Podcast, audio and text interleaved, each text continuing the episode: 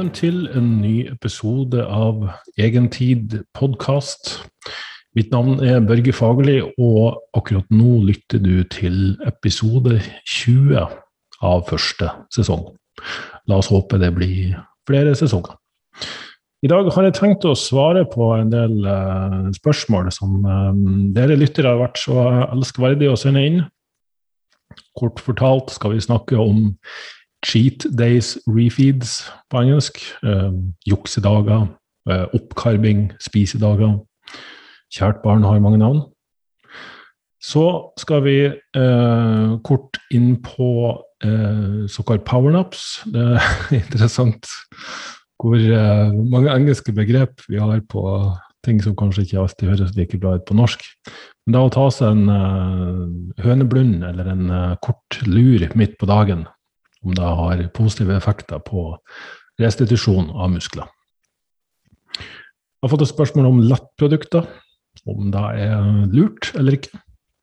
Og så har jeg fått ei dame som har sendt inn et spørsmål på vegne av sin svigerdatter angående trening i første del av svangerskap, og trening for oss sjøl, som er 48 år, og trener crossfit på andre året.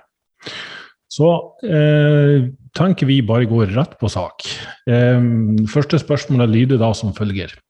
Hadde vært interessant å høre deg prate om cheat day refeeds. Finnes det noen fordeler og ulemper med det? Hvor ofte er det greit med en cheat day, og hvor crazy er det greit at man går på en slik dag? Eh, nesten mer engelsk enn norsk akkurat der. Um, ja, for å starte med det rent åpenbare. Um, altså begrepet cheat, da å jukse Hva er det du jukser med? Hva er det du jukser på? Hva er det du um, Hvilken tilnærming har du til kosthold hvis du føler behov for å jukse? Uh, og, og, hva er egentlig juks? Altså, um, det er jo, juks betyr jo å skape, skape et overtak, eller skaffe seg et overtak på, ved å gå utenom reglene. Uh, og, og, da jeg tenker at Uh, hvis du har en diett eller kosthold som er restriktivt og fylt av regler, der du gjerne går småsulten hele uka eller føler at du må uh, At det finnes forbudt mat, så man skal spare opp til det er lov igjen, så synes jeg i utgangspunktet det er ikke en veldig fornuftig måte å, å navigere kosthold på. Eh, det som det ofte fører til, er det jeg kaller på godt norsk fråtseorgi. Eh, der man egentlig får et ganske forstyrra forhold til mat og kalorier til et middel for straff eller belønning. Eh, der restriksjon og regler rundt mat er det som skal føre til at du går ned i vekt, får et bedre speilbilde eller blir mer fornøyd med speilbildet ditt. Eh, erfaringsvis eh, er det tvert imot, fordi du har totalt feil eh, innfallsvinkel til hele problemet, om vi skal kalle det det. Og da at det å spise veldig kaloririk, smakfull mat da gir belønninga du trenger, fordi uka har vært så trist og kjip og kjedelig med all denne her diettmaten. Um, det er ikke en tilnærming som jeg selger til noen av mine kunder, for å si det på den måten, eller et konsept jeg ønsker å selge til noen. Um, jeg ønsker å gi folk en opplevelse av at du kan spise uh, all mat. Det er ingen mat som i seg sjøl kan gjøre det overvektig eller ulykkelig. Um, det handler om mengde. Det handler om å ha et bevisst forhold til hva smakfullhet og veldig mye variasjon og eh, kontinuerlig tilgang på energirik mat.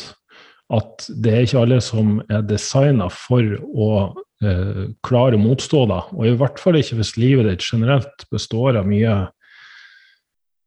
stress, uro, ubehag. Eh, at du har eh, skuldrene høyt heva at livet handler om å holde ut for eh, å vente på den eh, gryta med gull i enden av regnbuen. Og så er mat egentlig bare enda en mekanisme i det store eh, tannhjulet her, eller i det store urverket. Eh, så jeg tenker ta et sånn godt steg tilbake og se på hvilket forhold du har til mat først, før du i hele tatt begynner å definere ting som uh, juksing eller um, For det, det, er litt sånn Det vi har kalt oppkarving, det at når du går på kalorirestriksjon, som da også innebærer at du spiser mindre karbohydrater, så er det mekanismer i kroppen som gjør at metabolismen din kan reduseres. Du tømmer drivstofflagrene dine, både fettlagrene og glykogen, glukose, blir lavere. Eh, så når drivstofftankene blir lavere, så slår de adaptive mekanismene inn som skal motvirke at organismen din eh, lider for stort tap. For det kan gå utover eh, både hormoner og reproduksjonsevne. Og også energinivå og muskelbygging, som man jo også vet i praksis er et eh, problem. Da og da ha en dag i uka der man spiser mye mer karbohydrater for å fylle på lagrene igjen. Det er teoretisk sett en fordel, fordi da får kroppen et sånt normalt signal, et signal om at ting er helt greit, og du kan fortsette å gi slipp på fettlagrene dine. I praksis er det de signalene som er involvert, så er nok sannsynligvis én dag for lite til at det gir noe særlig effekt. Du får en, en uh, midlertidig boost, økning i forbrenning, som eh, kanskje vedvarer i én til to dager maks. Og så er egentlig kroppen tilbake til samme status som er en sånn eh, begrenset modus. Det vil si at her er det begrenset tilgang på mat, og det er et stort energiuttak eller energibehov, eh, så her må det spares på ressurser. Jeg snakker ikke om såkalt spareblussmodus. Det er et litt sånn begrep som vi skal være litt forsiktige med å bruke. Men at det er adaptive mekanismer der kroppen vil tilpasse mangel på ressurser, da er det jo ingen tvil om. Um, så, så, skal du, for å si det sånn, da, er en større fan av å uh, få kroppen til å trives på mest mulig næring, først og fremst, og da snakker jeg mikronæring. Mm, I korrekt balanse, selvfølgelig. Um, dernest også energi, kalorier. Uh, og da, når jeg sier høy kvalitet, så mener jeg mat som naturen tilbyr oss, som ikke vi tuller altfor mye med, som er sånn grunnprinsipp. Jeg er overhodet ikke fremmed for å ta en sjokoladebit eller en, et pizzastykke, det er ikke det jeg sier, men ha litt bevissthet rundt um, at kroppen vår har utvikla seg gjennom hundretusener av år på mat som vi maksimalt sett varmebehandler, og spiste relativt ensarta og begrensa av fordi det, det ikke nødvendigvis har vært rik tilgang på mye mat hele tida uten at vi var nødt til å bruke mye ressurser på det.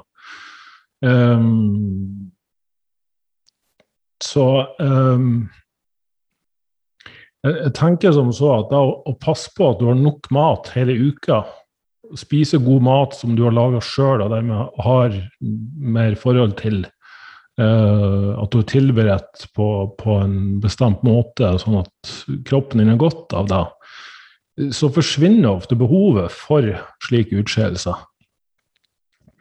Um, men jeg tenker også at hvis du nå mot formodning ikke skal klare å dekke alle næringsbehov og så er det jo gjerne sånn at ligger det sjokolade i, i, skapet ditt, og du får lyst på sjokolade, så er det jo mer viljestyrke og disiplin du må bruke for å holde unna den sjokoladen, jo mer attraktiv vil den være. Vi er jo som biologiske vesener gjerne skapt sånn at jaktinstinktet slår inn med en gang noe eh, er litt mer hard to get, eller hard to want, alt ettersom.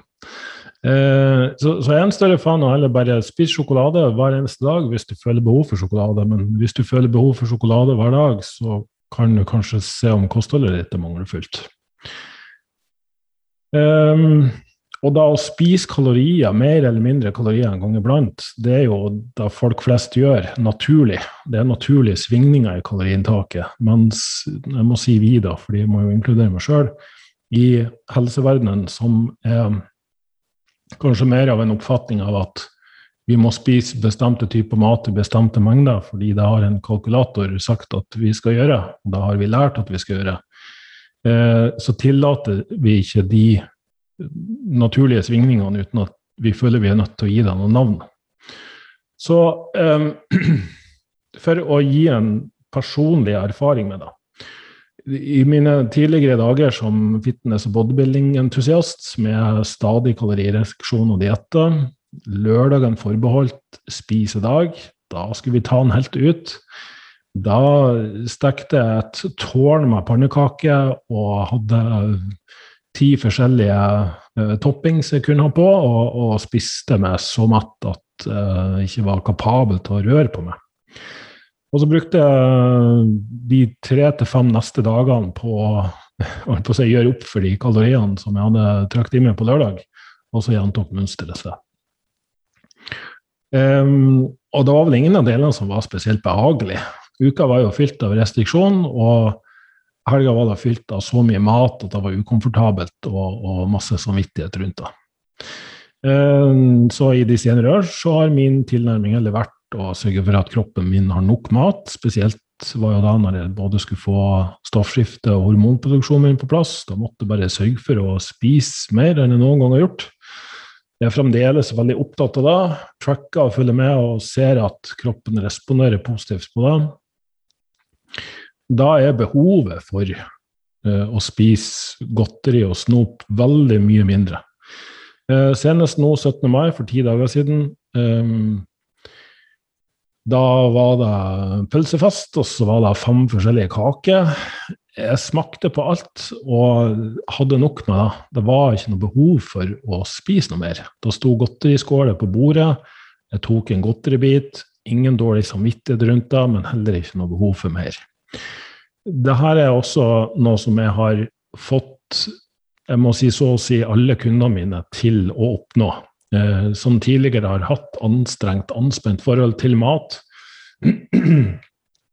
gjennom både å gjøre det enklere for de ved å spise godt, næringsrikt og nok mat over lengre tid, redusere behovet på den måten, men også ta en liten sånn introspeksjon på det emosjonelle, det følelsesmessige og vanemessige rundt mat. Eh, hvilket forhold man faktisk har, hvordan tenker du på mat? Har, makt, eh, har, har, maten makt over det, eller er det du som Ser du på mat, mat som straff eller belønning, eller mat som drivstoff, kort sagt?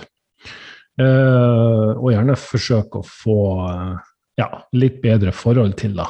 Granske litt nøyere hva er det som ligger under. For bak der igjen ligger det som regel noe følelsesmessig eller noe stressbasert. Eh, som kan trigge det at mat får den makta over det. Eh, så det var egentlig et veldig langt svar på et kort spørsmål, men spørs, spørsmålet bærer jo ut fra hvordan jeg tolker det, preg av at er det greit å spise mer av mat som ikke har merkelappen sunn, av og til. Og da vil jeg si at det er det absolutt, men jeg vil skape litt refleksjon over hvorfor det er et behov. Uh, Sjøl kan jeg si at jeg har gått fra å ha et behov for å spise så mye junkfood som det er mulig å trykke i truten, til å ikke ha det behovet i det hele tatt, fordi jeg føler meg så bra på den maten jeg spiser nå, fordi jeg spiser nok av den. Uh, og da mener jeg skal være oppnåelig for de aller fleste. Men samtidig, jeg kan spise uh, smågodt, jeg kan spise sjokolade, jeg kan spise pizza, uh, for det er de tingene som jeg liker best. Jeg kan ta med et kakestykke hvis anledninga byr seg, hvis jeg har lyst på det, men med god samvittighet, uten at det overspiser noe som helst. Og jeg tror på sikt så er det den beste tilnærminga for både kropp og hode. Eh, når det er sagt, har du da en diett, kanskje av nødvendighet, kanskje det er det mest riktige for det akkurat nå.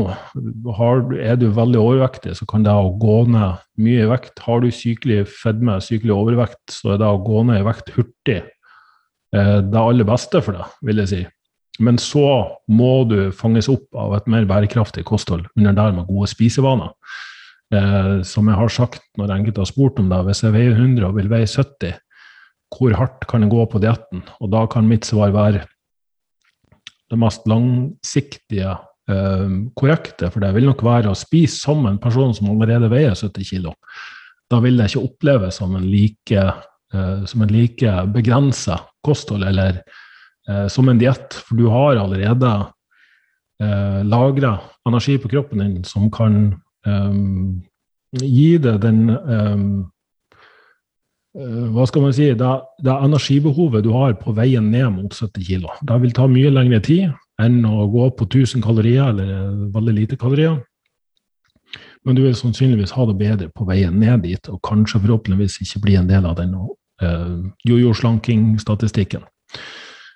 Um, jeg har spilt inn tidligere episoder om det her med Eh, overvekt, eh, både om langvarig vektreduksjon og også den episoden som heter Ett fett. Så hør gjerne på de hvis du vil vite mer om akkurat de tingene her. Det er ganske komplekst. Men for å kanskje oppsummere svaret mitt Det kan være visse fordeler med én eller flere dager på mer mat, men da vil jeg heller tenke vedlikeholdsnivå, ikke overspising. Eh, både mentalt og fysisk. Eh, men den mest bærekraftige strategien er bare generelt spise nok og trives med kostholdet ditt, sånn at behovet for å spise eh, Ha en dag der du går helt bananas, ikke er til stede. Og hvis det behovet er til stede, ta gjerne og stopp litt opp før du blir helt crazy og tenke over hvor kommer det behovet fra. Er det underskudd på drivstoff, eller er det eh, overskudd på emosjonelle faktorer? Og hva handler i så fall det om? Er det noe du trenger å adressere i livet ditt? Eh, sånn at du på en måte avbryter det automatiske mønsteret. At du ikke blir en slave av det her med mat eller eller eh, altså rusmidler, for den saks skyld, men at du, du i, i, hvert fall klarer å skape et rom for uh, res, um, uh, refleksjon over hva er det som foregår i livet ditt som gjør at det her er nødvendig. Er det rent en diettrestriksjonsgreie, eller er det at du ikke har det bra med deg sjøl som forårsaker det?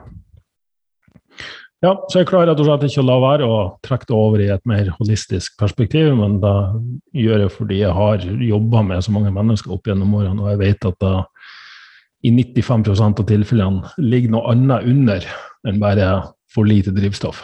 Så derfor er det at jeg er nødt til å ta det, ta det opp. Neste spørsmål.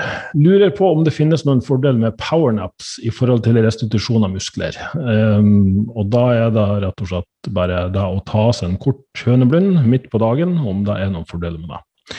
Da finnes det god forskning på som sier at um, i hvert fall hvis ikke du får nok søvn i løpet av natta, så er det for uh, hjernefunksjon, produktivitet, generell helse kan det være fornuftig å få 20-30 minutter en gang i løpet av dagen. I hvert fall når du kjenner at du får den naturlige, eh, det naturlige behov for det. En gang etter lunsj er jo da de fleste opplever det. Jeg vil nok først og fremst sørge for at man sover godt om natta. Jeg har i hvert fall sett at bare en time, halv til en time ekstra på natta gjør at behovet for å ha det midt på dagen er totalt borte. Eh, hvis du maskerer deg ved å drikke veldig mye kaffe eller være veldig stressa i løpet av dagen, så kan det i sin tur gjøre at eh, nattesøvnen blir dårligere. Så, så du blir fanga i en litt sånn dårlig sirkel, ond sirkel på det. Eh, så folk som har et bevisst forhold til det her, forsiktig med stimulanter, passer på å, å ha nok downtime, og så da kunne roe seg ned og, og senke skuldrene, avspenning, um, har et mer uh, fornuftig forhold til både planlegging og katastrofetekking, for å eh, sette det litt på spissen, da, um, så, så, er det å sette av tid til om det er meditasjon eller da å ta en, en, en liten eh, sånn powernap, absolutt en fordel. Eh, en teknikk som eh, mange har anbefalt, er faktisk å, å sitte med et nøkkelknippe i hånda di. Sett i en stol, sånn at det ikke er altfor behagelig. Eh, og når du da sovner av, så vil du miste taket på nøkkelknippet, og da faller i gulvet, og så eh, har du på en måte fått nok eh, Altså fått en liten shot av søvn. Så da at hjernen går på lavere frekvenser, eh, gjør at du får den ønska effekten på i hvert fall mental prestasjon. Fysisk prestasjon ser det ut som at man må opp på en hel time, og det er for å komme dypt nok i og lenge nok i de ulike søvnstadiene. for at det faktisk skal ha en rent fysisk effekt. Så det kan ha en positiv effekt på restitusjon av muskler. Og for å si det sånn, toppidrettsutøvere de er like gode på restitusjon og søvn og avslapping og hvile som de er på trening. Hobbymosjonistene altfor dårlig på søvn og restitusjon. Og de, da kan de være så gode de bare vil på trening og, og mikrostyring av eh, periodisering og tilnærminga der. Men de får ikke den ønska effekten, med mindre de også balanserer det ut med nok restitusjon, søvn og hvile.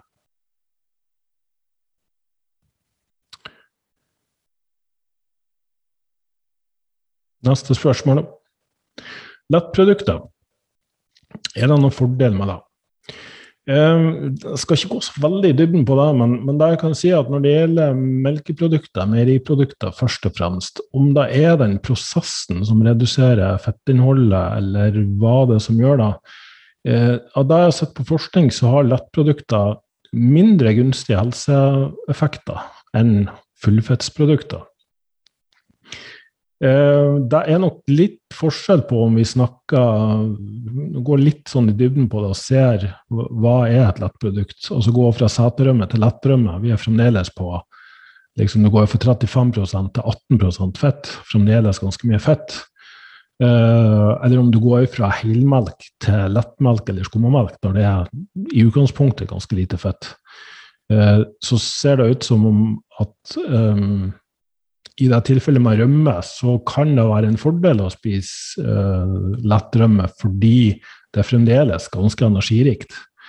Uh, og smør, store mengder med smør i kostholdet er ikke nødvendigvis så fornuftig eller sunt hvis den personen i utgangspunktet hadde hatt bedre av å spise mindre fett i kostholdet sitt, eller mindre kalorier. Uh, mens å gå fra H-melk til lettmelk uh, jeg tror ikke det kanskje utgjør så veldig stor forskjell i praksis at, at det har noe å si. Uh, men snakker vi, hvis vi ser på f.eks. kesam og cottage cheese Kesam kanskje spesielt, da, hvis vi skal ta litt sånn norske produkter. Der det er enten 7 gram fett per 100 gram eller nesten null. Da kan jeg nesten argumentere for at uh, den vanlige varianten er sunnere helsemessig Eh, da, da, ser det rett og slett ut som en viss mengde med, med meierifett kan ha en positiv effekt. Men her vil jeg ha et forbehold om hvordan kostholdet for øvrig ser ut. Hvis du har et veldig kaloririkt, forhold, eh, nei, veldig kaloririkt kosthold, og forholdet mellom protein og fett er der at du spiser mye mer fett enn protein, og samtidig spiser mye karbohydrater. Det vil si at det er mye karbohydrater, fett, lite protein i kostholdet ditt da vil overgangen til lettprodukter der du reduserer fettinntaket, kun være gunstig, så fremt du ikke da går i retning av at du skal spise lavkarbo. Og da eh, er det allikevel viktig at proteininntaket økes. Så nok protein, riktig forhold mellom karbohydrater, protein og fett. Tar en totalvurdering av det, så, så blir valget mellom lettprodukter og vanlige produkter mer snakk om hvor lett er de produktene? Altså er det seterømme eller lettrømme? Um, er det med sukker eller uten sukker? Og så er det erstatter du sukker med, uh, med søtningsmidler, f.eks. Så kan det å gå fra cola til Cola Light kan være en fordel, fordi folk som er litt sånn uh, avhengig av cola, kan finne på å drikke 1,5 liter og kanskje opptil 3 liter cola per dag, liksom, som er en enorm mengde med sukker. Uh, og med mindre du da er en person som uh, sykler en halv Tour de France-distanse hver dag, så, så, har du ikke nytte av så mye sukker. Og da gå over til Cola Light, da vil jeg si at det er en, er helsefordel. Men det er ikke nødvendigvis hvis du spiser en boks kesam hver dag, om du går fra vanlig kesam til mager og eller tilbake igjen. Jeg tror ikke det i den store sammenhengen har veldig mye å, å si. Da går vi på neste spørsmål her. Jeg har noen spørsmål angående min trening og min svigerdatters trening. Først. Svigerdatter er gravid i uke ni. Gratulerer. Trener vanlig styrketrening på senter. Hun løfter ganske tungt. Over 100 kg i både knebøy og markløft. Veldig imponerende. Da må jeg få lov til å si først. Er dette ok så tidlig i svangerskapet, tror du? Eh, jeg tok selv tunge knebøy dagen før fødsel, men da ville jeg jo helst bare sette i gang fødselen. He-he. Bør hun få i seg ekstra tilskudd med tanke på graviditet og tung trening? Um, ja, la oss starte med det. Er det ok så tidlig i svangerskapet? å trene eh, tungt? Eh, både ja og nei. Jeg vil si eh, sånn helt generelle regler. På ingen måte ekspert på, på trening under svangerskap, uh, utenom at jeg har en uh, samboer som selvfølgelig har gått gjennom denne prosessen. Jeg har hatt en par kunder som har Jeg har hatt flere, men i hvert fall to jeg kan komme på som er fulgte hele veien. Både under og etter svangerskapet. Eh, det som skjer i første trimester, er at kroppen skiller ut noe som heter relaksin. Eh, og Det er et eh, sånt stoff som gjør at leddbånd blir ganske slakk. Du får rett og slett mer ustabilitet i leddene. Så, så først og fremst vil jeg unngå eksplosive øvelser. Og dernest, i andre trimester, så vil jeg si at i større grad blir viktig å unngå ryggliggende øvelser, og muligens også press over hodet, nettopp pga. denne eh, instabiliteten og litt med blodsirkulasjon, og at eh, fosteret etter hvert som vokser og blir litt større, kan legge litt press på, eh, på ulike strukturer i kroppen. Eh, dernest har vi det å holde pusten, den såkalte valsalva-manøveren, trekke pusten, holde pusten for å skape høyt buktrykk, skal man nok kanskje være mer forsiktig med. Uh, jeg vil også oppfordre til at du trener mer kontrollerte repetisjoner. Bruk to til tre sekunder på løftet og to til tre sekunder på å senke vekta kan også argumentere for å trene helkroppsøkter heller enn splitter. For da å få blodet til å gå både til overkroppen og så til underkroppen, og kanskje tilbake igjen, eh, kan være en fordel. Um, og løfte ganske tungt, uh, ikke sant, når kroppen og kanskje leddene begynner å bli mer ustabile, og du i større grad etter hvert hvert fall skal, skal unngå høyt buktrykk, til og med så langt etter hvert at du skal unngå situps og crunch og, og plankeøvelser, fordi eh, det bindevevet mellom eh, magemusklene der eh, kan få seg en brist. Det blir svakere og svakere etter hvert, for det skal jo ekspandere og utvide seg. Eh, du kan få noe som heter diastasis riktig, dvs. Si at du får en permanent utvidelse av det bindevevet der.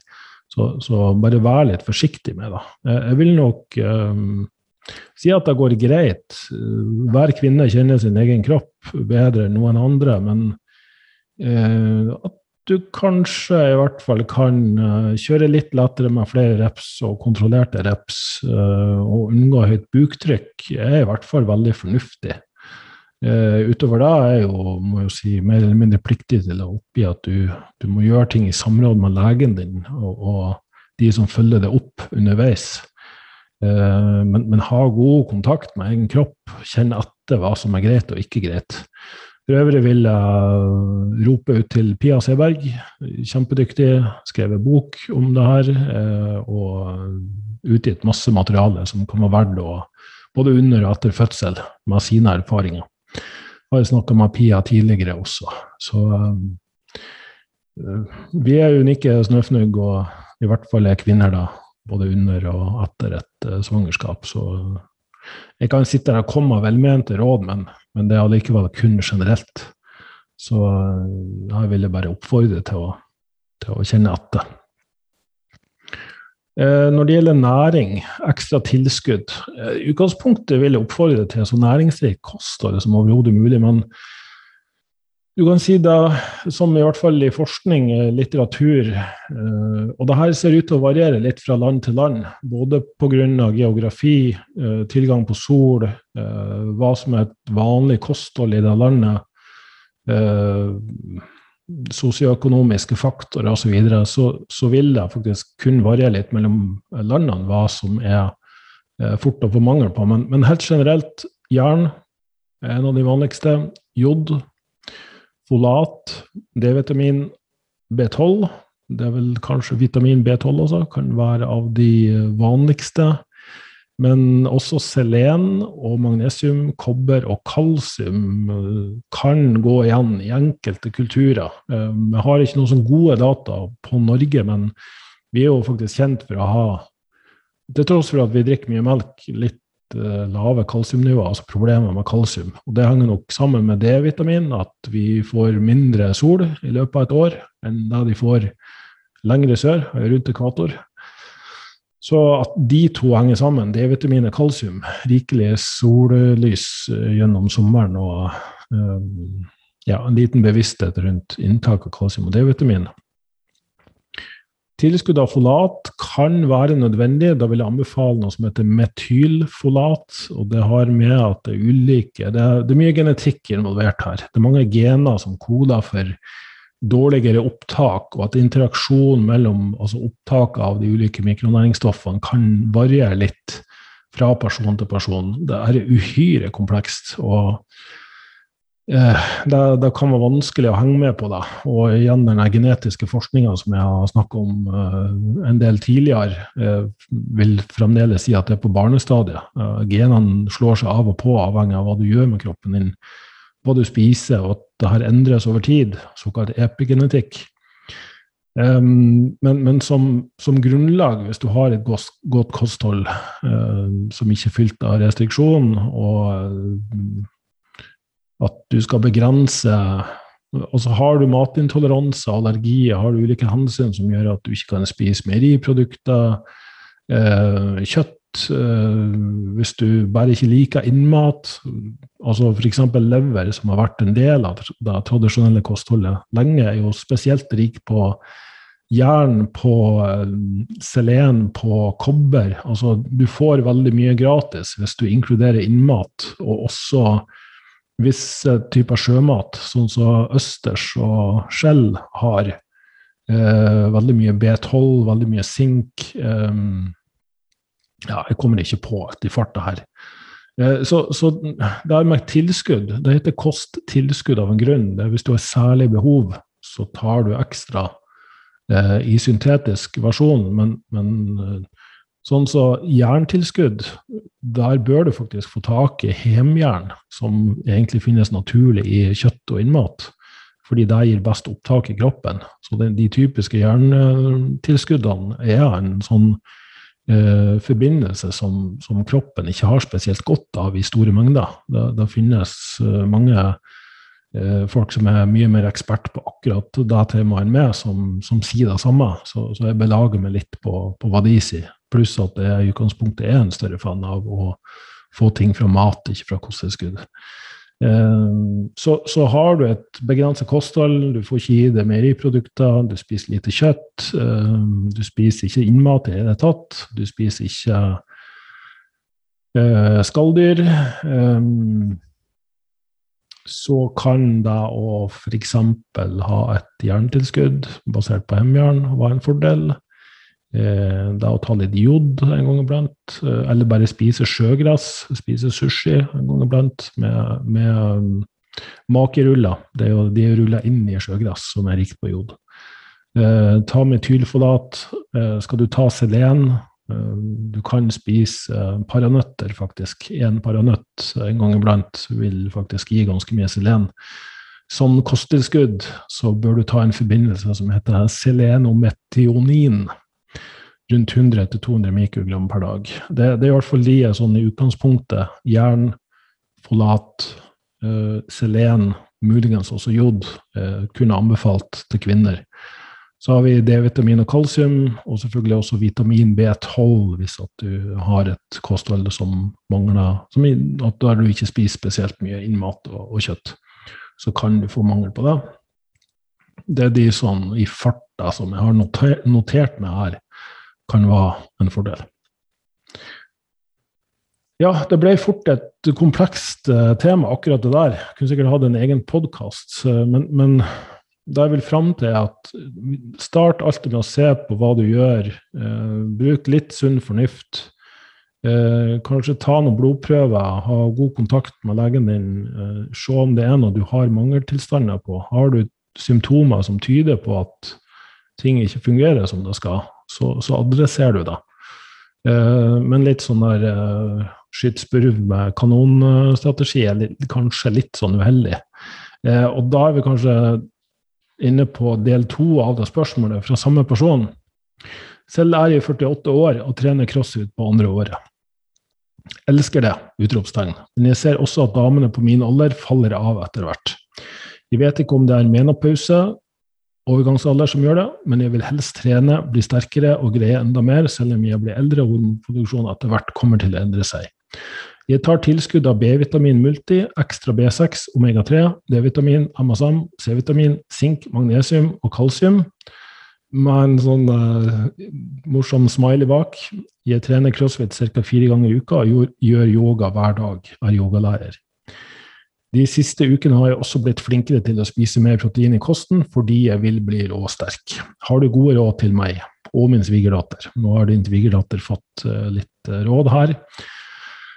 Så eh, svaret til det er vel egentlig bare eh, Hvorfor tar du så mye kosttilskudd? Vet du at det her er tilskudd du trenger, eller eh, skyter du spurv med kanon? Eh, eller med atomvåpen i dette tilfellet. Syns det virker litt voldsomt. Men eh, altså, jeg forstår at det baller litt på seg. Og, og, jo mer du leser om det her, jo mer ser du hvor mye interaksjoner det er. Jeg tror vi har litt lett for å glemme at naturen allerede har rikelig med mikronæringsstoffer så fremt du, du, spiser Jeg vil kalle det tradisjonskost, fordi jeg vil nesten si bestemor har glemt mer om kosthold enn vi har lært. Uh, I hvert fall hvis vi går opp til oldemor uh, sitt nivå, uh, så, så, vil jeg si at de generasjonene før det igjen, der Nå ser jeg bort fra etterkrigstida og fattigdom og når man bare levde på potet, men, men i hvert fall at våre forfedre som har eh, vært jegere og sankere og eh, spist, høsta rikt av naturen, hadde nok sannsynligvis ikke like mye næringsmangler som det vi har i en moderne verden, der vi er mer stillesittende, har eh, rik tilgang på veldig smakfull prosessert mat som er lavt på mikronæringsstoffer. Um, men forsøker så godt som mulig å først og fremst spise nok mat og næringsrikt, og så se, identifisere om du har eh, næringsmangler, om du har noe du faktisk trenger kosttilskudd av. For, for, jeg tror det vi også glemmer av, er at med en gang du begynner å ta tilskudd av et, eh, et mineral eller vitamin, så kan det kreve eh, Eller tømme, til og med nivåene av andre vitaminer, fordi det er så mange interaksjoner her som vi fremdeles ikke har forstått. Um, og, det er også sånn, Jeg hadde nettopp en samtale med en som faktisk anbefalte å begynne å drikke cola under trening. for Han begynte å øke treningsmengden sin med kondisjonstrening. Uh, og i går hadde jeg en som uh, drakk Monster Zero, dvs. Si uten sukker, under crossfit. Og jeg sa at du kan faktisk heller drikke det med sukker. Og, og se bare liksom at uh, de blir litt glassaktige i blikket, fordi de har jo lært at sukker er så farlig, og det skal man ikke ha, det er ikke sunt. Jeg sier ja, men det er liksom forskjell på stillesittende folk og folk som aktivt driver og belaster og utsetter kroppen sin for mye påkjenning for å bli sterkere, for å bli mer utholdende. Og som i tillegg passer på å spise noe næringsrikt. For det som sukker faktisk gjør, det er det at eh, hvis vi skal bruke en metafor her, det er som å kaste tennvæske på peisen. Og hvis du ikke har nok ved der, så vil det her brenne ut og, og gå tomt. Eh, og det er det sukker egentlig gjør. Sukker er en kombinasjon av fruktose og glukose det samme finner du i mye frukt, bare i mindre mengder. Du må spise uh, mye banan for å komme opp i samme uh, sukkermengde som du får av uh, en halv liter cola. Men under trening, høye energiuttak, så kan det å bruke sukker være bedre enn å skal trykke i seg masse bananer. og det som kan være problemet med sukker, er nettopp at det fungerer som tennvæske. Sånn at det kan um, utarme en underernært kropp. Så, så, en kropp som ikke har et fundament med mye og god næring, der kan sukker være et problem fordi det speeder opp metabolismen på kort sikt. Men når det ikke er noe ved der, for å bruke den metaforen igjen, så, så brenner det opp, og, og, da får du en nedtur. Da får du eh, altså, et blodsukkerkrasj. Da, da, eh, da, kan du tømme eh, kroppen for viktige næringsemner. Men et kosthold som er godt og næringsrikt og har et fundament med nok kalorier, så kan det faktisk fungere helt ok å, å drikke både cola og Monster med sukker. Eh, Monster har jo da syntetiske vitaminer og, og, litt ulike ting der, pluss ganske høyt koffeininnhold. Så ikke ta det her som en sånn gjengs anbefaling. Det er sikkert noen der ute som har lyst til å sage av med huet fordi at det sitter og sier det her. Så, så ta det her i kontekst. Eh, men poenget mitt er bare at med en gang du begynner å supplere med ulike vitaminer og mineraler, eh, så, så, kan det forskyve balansen i ulike retninger. Og, og da kan sukker også. Da å øke næringsinntaket uten samtidig understøtte med nok eh, Da å øke kaloriinntaket uten å samtidig understøtte med nok næring, mikronæring, kan bli et problem for enkelte. Fordi da, da skapes rett og slett flaskehalser eller underskudd andre steder i systemet. Eh, og det er den systemforståelsen av kroppen jeg, virkelig vil eh, slå et slag for. At man begynner å tenke på kroppen som et system, eh, der mye kondisjonstrening kan gjøre at Altså mye kondisjonstrening uten en viss minimumsdose med styrketrening kan være uheldig på sikt. Det samme kan veldig mye styrketrening med bare lave reps og tunge vekter bli hvis du har null kondisjonstrening utenom. Så, så prøv å se litt hvor er det du har mangler i systemet ditt. Eh, så da å trene crossfit fire ganger i uka i en alder av 48 år, gjøre yoga hver dag, spise nok og næringsrikt, passe på å bli flink eh, med å spise nok protein i kosten ja, da vet jeg ikke om det er så mange råd jeg kan gi det. Det høres ut som ting er helt utmerket. Eh, det finnes god og dårlig trening, god og dårlig crossfit. Han han snakka med i går, var på et crossfit-gym der han fortalte meg at ja, de hadde ulike dager de fokuserte mye på teknikk. I, eh, dagen før hadde de bare kjørt opp til en tung treer i skulderpress, og dagen etter så en tung treer i markløft. At de hadde ett løft per dag, og så har det en periode med mer fokus på kondisjon. På meg høres det ut som veldig korrekt måte å tilnærme seg trening på. Du har ulikt fokus. Du um, passer på å ikke bare gjøre alt på en gang. Uh, det jeg vil si kan være et problem innen crossfit, det er når du løfter eksplosive øvelser, uh, olympiske vektløftingøvelser, til utmattelsespunktet, eller når du allerede er sliten. Uh, mye rykk og drag i sene og muskulatur Eh, på folk som er 40 pluss, er ikke nødvendigvis det, det beste. Så det kommer helt an på hvordan treninga er lagt opp. Kan det være at noen økter bør du ta deg litt med ro? Så absolutt. Kan det være sunt å pushe seg sjøl? Eh, absolutt. Det å tilhøre et, eh, et miljø, det å ha folk som driver med det samme, kjempebra. Jeg støtter det fullt ut. Mye bedre enn å ta på seg øreproppene og gå inn på et gym og bare trene alene, og alltid kun alene, og så går du hjem og er alene. Og så sant, Det eneste sosiale du har, i sosiale medier. Mm, ugunstig. sant? Altså, Vi er flokkdyr, og vi, vi, trenger å være med andre folk. Vi trenger å ha noen å bry oss om andre enn oss sjøl. Um, leve et så rikt liv som overhodet mulig. Og vips, så var Børge i gang med å være filosofisk igjen. Men jeg sier det her fordi jeg jobber med så mange ulike personer med ulike bakgrunner, ulike settings, at mine tips kan aldri bli mer enn generelle når jeg får veldig korte beskrivelser av situasjonen. Hadde jeg jobba med noen på individbasis, så kan jeg fortere identifisere hva som har vært gunstig å gjøre. Kan hende at jeg hadde oppfordra deg til å trappe ned til tre dager i uka. Det kan hende at jeg hadde oppfordret deg til å legge inn mer kondisjonstrening eller mer styrketrening. Det kommer helt an på hvor du er akkurat nå. Så jeg håper svaret til din svigerdatter kanskje var mer konstruktivt enn det er for det. Eh, men i ditt tilfelle, se litt på balansen mellom styrke og kondisjon. Se om næringsstatusen din er god nok. Lytt gjerne til en tidligere episode der jeg snakka om overgangsalder spesifikt. Om det er noe der du kjenner deg igjen i, eller som du kunne fokusert mer på. Og utover det så høres det ut som det er mye energi i det du skriver, for å si det sånn. Det, det, det virker som du trives med ting. Så um, da har jeg bare et tips, og det er å keep doing what you're doing. Når det ut som det funker bra for deg. Da har jeg kommet gjennom alt. Forhåpentligvis ikke gjort det veldig sliten i ørene. Um, tusen takk for at dere sender inn spørsmål, for, at dere lytter. Nå ble det to dager lenger enn som jeg har sagt i en tidligere episode, og skrytt på meg at jeg skulle få ut episoder hver tirsdag. Livet kommer i veien for det optimale stadig vekk. Dette er jo noe jeg gjør på hobbybasis, tjener ikke penger på denne podkasten.